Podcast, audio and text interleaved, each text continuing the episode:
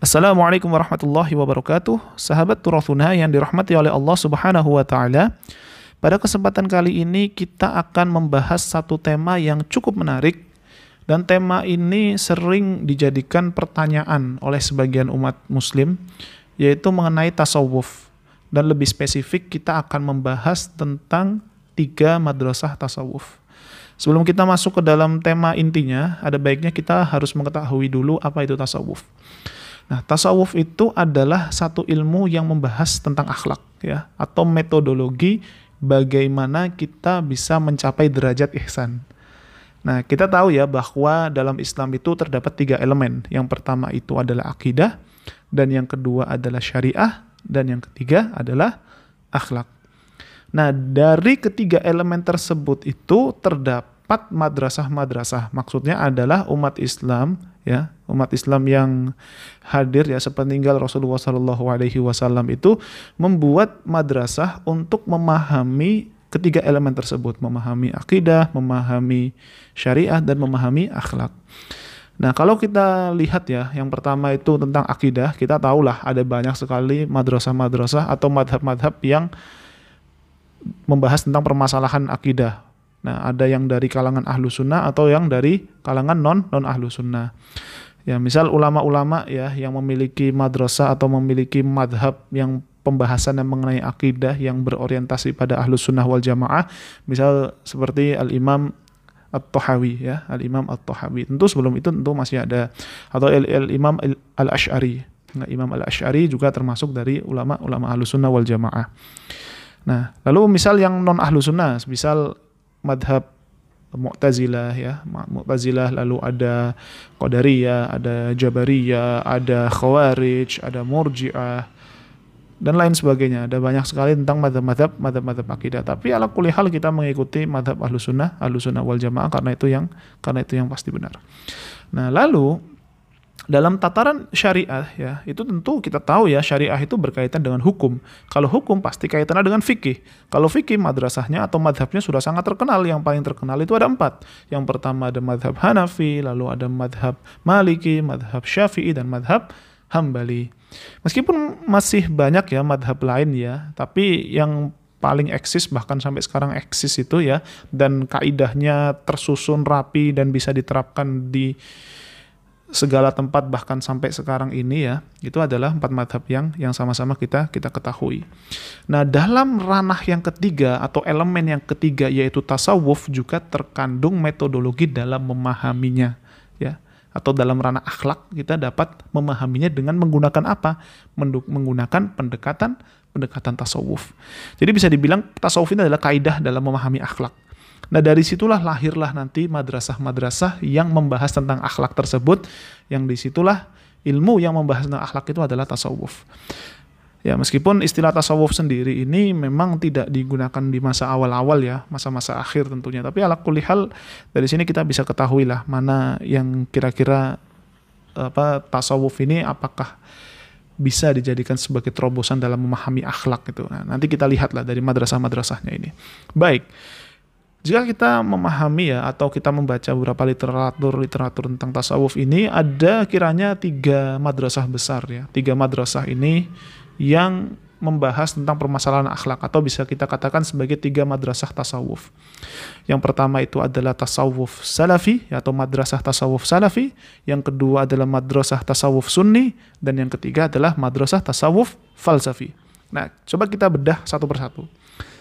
Yang pertama adalah madrasah tasawuf salafi.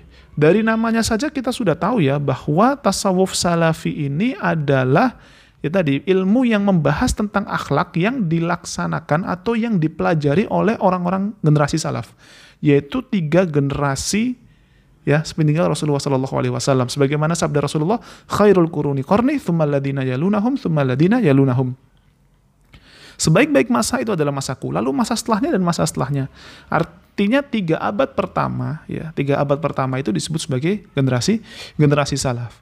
Nah maka dari itu kita lihat bahwasanya ulama-ulama yang menganut ya atau yang mengikuti madrasah tasawuf salafi ini adalah ulama-ulama tabi'in. Misal contoh Al-Hasan Al-Basri yang mengambil dari Ali bin Abi Thalib ya.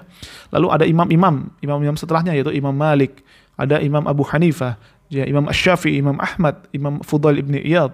Nah, itu adalah ulama-ulama yang mengikuti tasawuf tasawuf salafi. Nah, pendekatannya ya atau pemikirannya yang digunakan oleh ulama-ulama tasawuf salafi ini adalah berkaitan dengan zuhud dan keihsanan saja. Jadi pembahasannya adalah berkaitan dengan akhlak, berkaitan dengan akhlak, berkaitan dengan zuhud, ya bagaimana kita mencapai derajat ihsan dengan menggunakan metodologi ya tadi metodologi zuhud. Nah dari situ maka dari itu tidaklah heran kalau kita dapati karya-karya para ulama pada masa itu yaitu pembahasannya atau temanya ya judul dari karya-karyanya itu adalah az-zuhud. Misal contoh karya Imam Ahmad judulnya az-zuhud ya atau Imam Al-Baihaqi juga punya karya yang dengan judul sama az-zuhud. Lalu Imam Al-Hannad juga sama menggunakan istilah atau judul judul zuhud. Nah dari situ kita tahu bahwasanya memang pendekatan mereka itu adalah pendekatan zuhud. Hanya saja ya, ya ciri khas mereka itu adalah mereka itu tidak atau ulama-ulama pada saat itu itu kaidah yang membahas tentang akhlak ini atau kaidah tasawuf itu belum tersusun rapih gitu. Jadi catatan-catatannya, kaidah-kaidahnya, istilah-istilahnya itu belumlah belum lengkap lah dalam artian pembahasannya atau kaidahnya ini belum bisa diterapkan dengan mudah gitu. Dalam artian kita perlu memahaminya lebih gitu dan butuh guru untuk untuk memahaminya gitu. Jadi hanya sekedar pembahasan global saja. Nah, nantilah ulama-ulama setelahnya inilah yang mengembangkan kaidah-kaidah sehingga nanti lahirlah lahirlah kaidah-kaidah yang membahas tentang ilmu akhlak yang itu nanti disebut sebagai tasawuf juga. Nah, itu adalah tasawuf salafi yang pertama. Lalu yang madrasah yang kedua adalah tasawuf sunni. Nah, tasawuf sunni.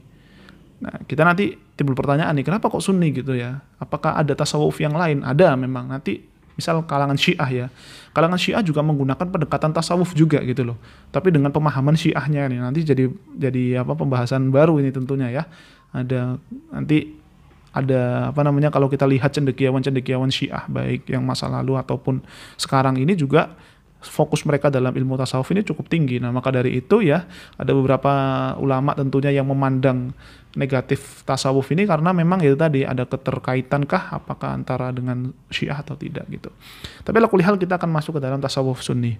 Nah, tasawuf Sunni ini diprakarsai atau ya atau ya awal mula berdirinya itu ya itu dari Al Imam Al Ghazali ya. Bisa dibilang itu awalnya itu dari Al Imam Al Ghazali Nah, nanti ada nama-nama besar ya selain Imam Al-Ghazali seperti Al-Imam Al-Kushairi, Al-Imam Asy-Syadzili, Ibnu Athaillah As-Sakandari ya, itu sangat terkenal lah Ibnu Athaillah itu dalam uh, beliau adalah penulis buku tasawuf terkenal yaitu Al-Hikam ya, Al-Hikam Ibnu Athaillah. Nah, dan lain sebagainya, ulama-ulama yang lainnya. Nah, dari tasawuf sunni inilah nanti lahirlah tarekat-tarekat di situ, ya.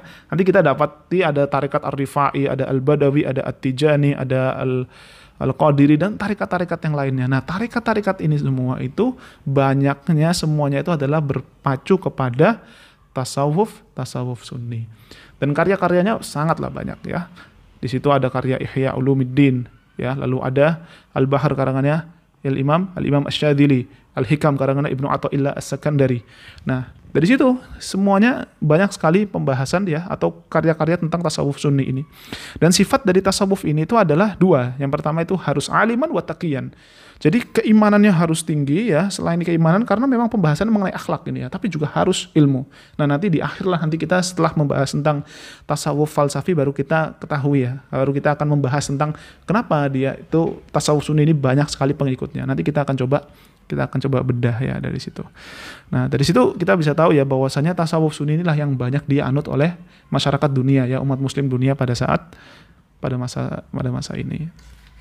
Baik, lalu kita masuk ke dalam tasawuf yang ketiga yaitu tasawuf falsafi. Kita tahu dari namanya ini falsafi pasti pendekatan adalah filsafat betul sekali. Memang pendekatan yang digunakan ya oleh ulama-ulama ya atau para cendekiawan-cendekiawan tasawuf falsafi ini adalah pendekatan filsafat.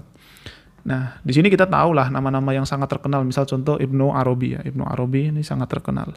Lalu ada Al-Jili, Ibnu Sab'in, ada Afif At-Tilmisani, dan lain-lain sebagainya ya. Dan semua hampir dari itu semua ya, ulama-ulama ini sekaligus mereka itu adalah filsuf ya. Ibnu Sab'in, oh, filsuf terkenal dia itu ya. Nah, tapi ada satu perkataan menarik ya yang di yang di uh, apa yang dijadikan sebagai sandaran dalam memahami tasawuf falsafi ini karena memang tasawuf falsafi ini adalah madhab tasawuf atau madrasah tasawuf yang paling banyak kontroversinya.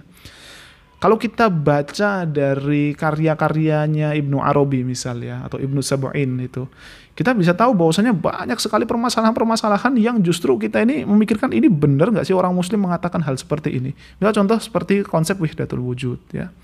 Konsep wihdatul wujud atau konsep-konsep yang lainnya ya. Konsep-konsep yang lainnya yang kita itu perlu mengenyit, mengerenyitkan dahi ya untuk mengetahuinya ini bagaimana nih kok bisa seperti ini gitu kan. Nah, nah dari situlah karena banyaknya ya, karena pembahasan-pembahasannya itu falsafi ya, atau sulit sekali untuk difahami ya. Nah, maka dari itu ada satu ungkapan ya dari kalangan ulama tasawuf falsafi, wallahu alam siapa uh, yang mengatakan istilah seperti ini. Kutubuna haramun ala ghairina. Artinya adalah karya-karya kami itu haram untuk selain kami. Ya, maksudnya buku-buku kami atau buku-buku yang dikarang oleh ulama-ulama ya atau cendekiawan-cendekiawan tasawuf falsafi ini hukumnya haram dibaca oleh orang yang tidak menganut atau orang yang tidak memahami tentang tasawuf falsafi. Mengapa bisa seperti itu? Karena memang pendekatan falsafahnya itu sangatlah kuat gitu loh. Karena kalau seandainya orang tidak memiliki miftah atau tidak memiliki kunci dalam memahami atau kunci untuk mempelajari tasawuf falsafi, pasti dia akan salah paham. Nah, seperti itu. Jadi itulah maksud dari perkataan kutubuna haramun ala ala ghairina. Maka dari itu Ibnu Arabi dalam kitabnya Al-Futuhat Al-Makkiyah, beliau di awal-awal ya di awal kitabnya di mukaddimahnya menjelaskan tentang akidah yang beliau anut serta kunci untuk memahami kitab tersebut. Nah, gunanya apa? Nah, itu tadi agar kalau seandainya didapati beberapa kalimat-kalimat yang uh, aneh atau kalimat-kalimat yang dapat membuat kita bingung, ya kita langsung merujuk kepada mukodimah awalnya atau merujuk kepada kunci awalnya tersebut sehingga apa sehingga kita tidak salah paham terhadap maksud yang terkandung dalam kitab kitab tersebut nah lalu akan ada timbul pertanyaan mengapa kok mereka menggunakan pendekatan falsafah dalam memahami tasawuf yang di mana notabene tasawuf itu adalah kaitannya dengan hati? Apakah perlu difikirkan gitu kan? Nah tujuan dari para cendekiawan ini membuat madrasah tasawuf falsafi ini dikarenakan adanya ya banyaknya ya cukup banyak dari uh, musuh-musuh Islam yang menggunakan metode filsafat untuk mengikis keimanan orang-orang yang memiliki keimanan yang kuat. Ya, artinya ketika kita dapati misal orang yang beriman kuat, rajin beribadah, dan pokoknya dia sangatlah luar biasa lah dalam urusan ibadah akhlak sangatlah sempurna gitu bisa dibilang seperti itu. Lalu ini ada orang-orang ya orang-orang musuh-musuh Islam yang mencoba untuk ya mencoba untuk melunturkan akidah ya melunturkan akhlak ya melunturkan keimanan mereka ya dengan meragukan ya meragukan metode atau pembahasan akhlak di dalam Islam sehingga keimanan mereka itu luntur bahkan ada yang sampai dalam derajat dalam derajat kufur. Nah, karena mereka ini para musuh-musuh Islam ini menggunakan metode filsafat untuk menyerang umat Islam ya yang memiliki keimanan kuat, maka para cendekiawan-cendekiawan ini juga mempelajari filsafat untuk menyerang balik. Nah, dari situlah akhirnya ya mereka menggunakan istilah-istilah filsafat yang tidak bisa difahami kecuali di antara mereka sendiri gitu. Nah, kita-kita tentu yang belum mempelajari filsafat, apalagi mempelajari filsafat yang sangatlah dalam ya seperti Ibnu Sabu'in itu, ya, kita tidak akan mampu untuk memahaminya. Nah, maka dari itu mereka menggunakan istilah-istilah tersebut untuk dijadikan sebagai serangan ya terhadap orang-orang yang mencoba untuk menyerang umat umat Islam. Ya ala hal seperti itu yang bisa yang bisa difahami dari tasawuf falsafi. Nah, sekarang kita akan kembali kepada pertanyaan yang saya sebutkan di awal tadi yaitu uh, tasawuf sunni ini kenapa kok bisa banyak sih penganutnya gitu kan?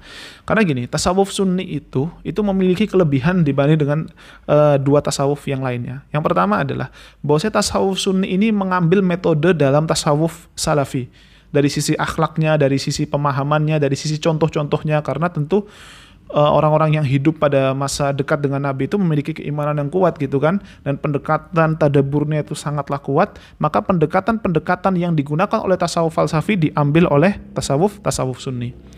Tetapi dari tasawuf sunni juga mengambil kaidah-kaidah atau cara berpikir tasawuf falsafi ya ya dengan disaring terlebih dahulu gitu ya pendekatannya nalzorinya ya sehingga bisa diteorikan ya. Dari tasawuf sunni ini bisa diteorikan. Karena kalau kita lihat dari tasawuf salaf ini kan hanya pembahasan global gitu kan ya. Untuk diteorikan untuk dijadikan kaidah tentu tentu akan sangat sulit. Karena memang ya seperti yang disebutkan tadi bahwa ciri mereka itu atau ciri tasawuf salafi itu tidak memiliki kaidah yang paten. Nah, itu atau mustalat-mustalahatnya ya istilah-istilahnya itu tidaklah tidaklah paten. Nah, dari situ makanya tasawuf sunni menggunakan pendekatan tasawuf falsafi ya, metodenya untuk membuat satu kaidah yang terdapat dalam tasawuf tasawuf sunni sehingga tidak bertentangan dengan dengan syariat Islam. Nah, itulah itulah mengapa ya tasawuf sunni ini banyak sekali diamini oleh umat Islam di seluruh dunia. Ya ala kulihal uh, itu adalah pembahasan singkat ya mengenai tasawuf ya. Ala kulihal uh, mungkin dari kita masih banyak sekali pertanyaan-pertanyaan mengenai tasawuf karena memang pembahasan mengenai tasawuf ini adalah pembahasan yang cukup uh, dalam dan terkadang kita juga akan sulit untuk memahaminya gitu kan. Maka dari itu yaitu semua kembali kepada kawan-kawan sekalian ya.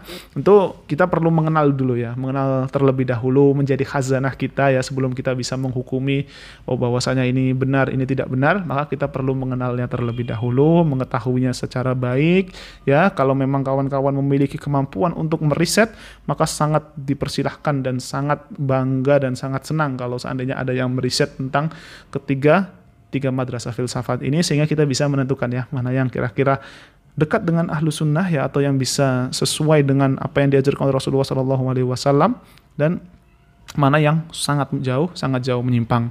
Maka dari itu eh, beberapa ulama kontemporer seperti uh, Syekh Abdul Aziz At-Tarifi ketika beliau ditanya mengenai apakah tasawuf itu sesat, maka beliau menjawab bahwasanya tasawuf ini torikohnya banyak ya. Artinya tarikatnya sangatlah banyak.